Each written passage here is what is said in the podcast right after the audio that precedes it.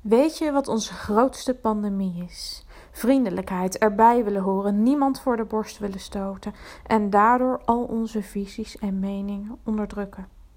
Zeg jij, ik vind het echt niet oké, maar dat is mijn ding. Daarmee zwak je je mening af, zeg je vaag wat je vindt om het vervolgens net zo hard weer uit te wissen. Maar hé, hey, zo blijven we allemaal vrienden. Is niemand het niet met ons eens? En dat gevoel kunnen we niet missen. Onze grootste pandemie is dat we niet durven te gaan staan onder de macht van het grote geheel gebukt gaan. Durf gewoon te zeggen wat je voelt, wat je denkt, wat je vindt. Durf te zijn wie je bent. Je hoeft nergens bij te horen, je bent er al. Zorg dat de wereld je kent. Onze grootste pandemie is dat iedereen elkaar tevreden wil houden en dat daardoor niemand echt kleur bekent.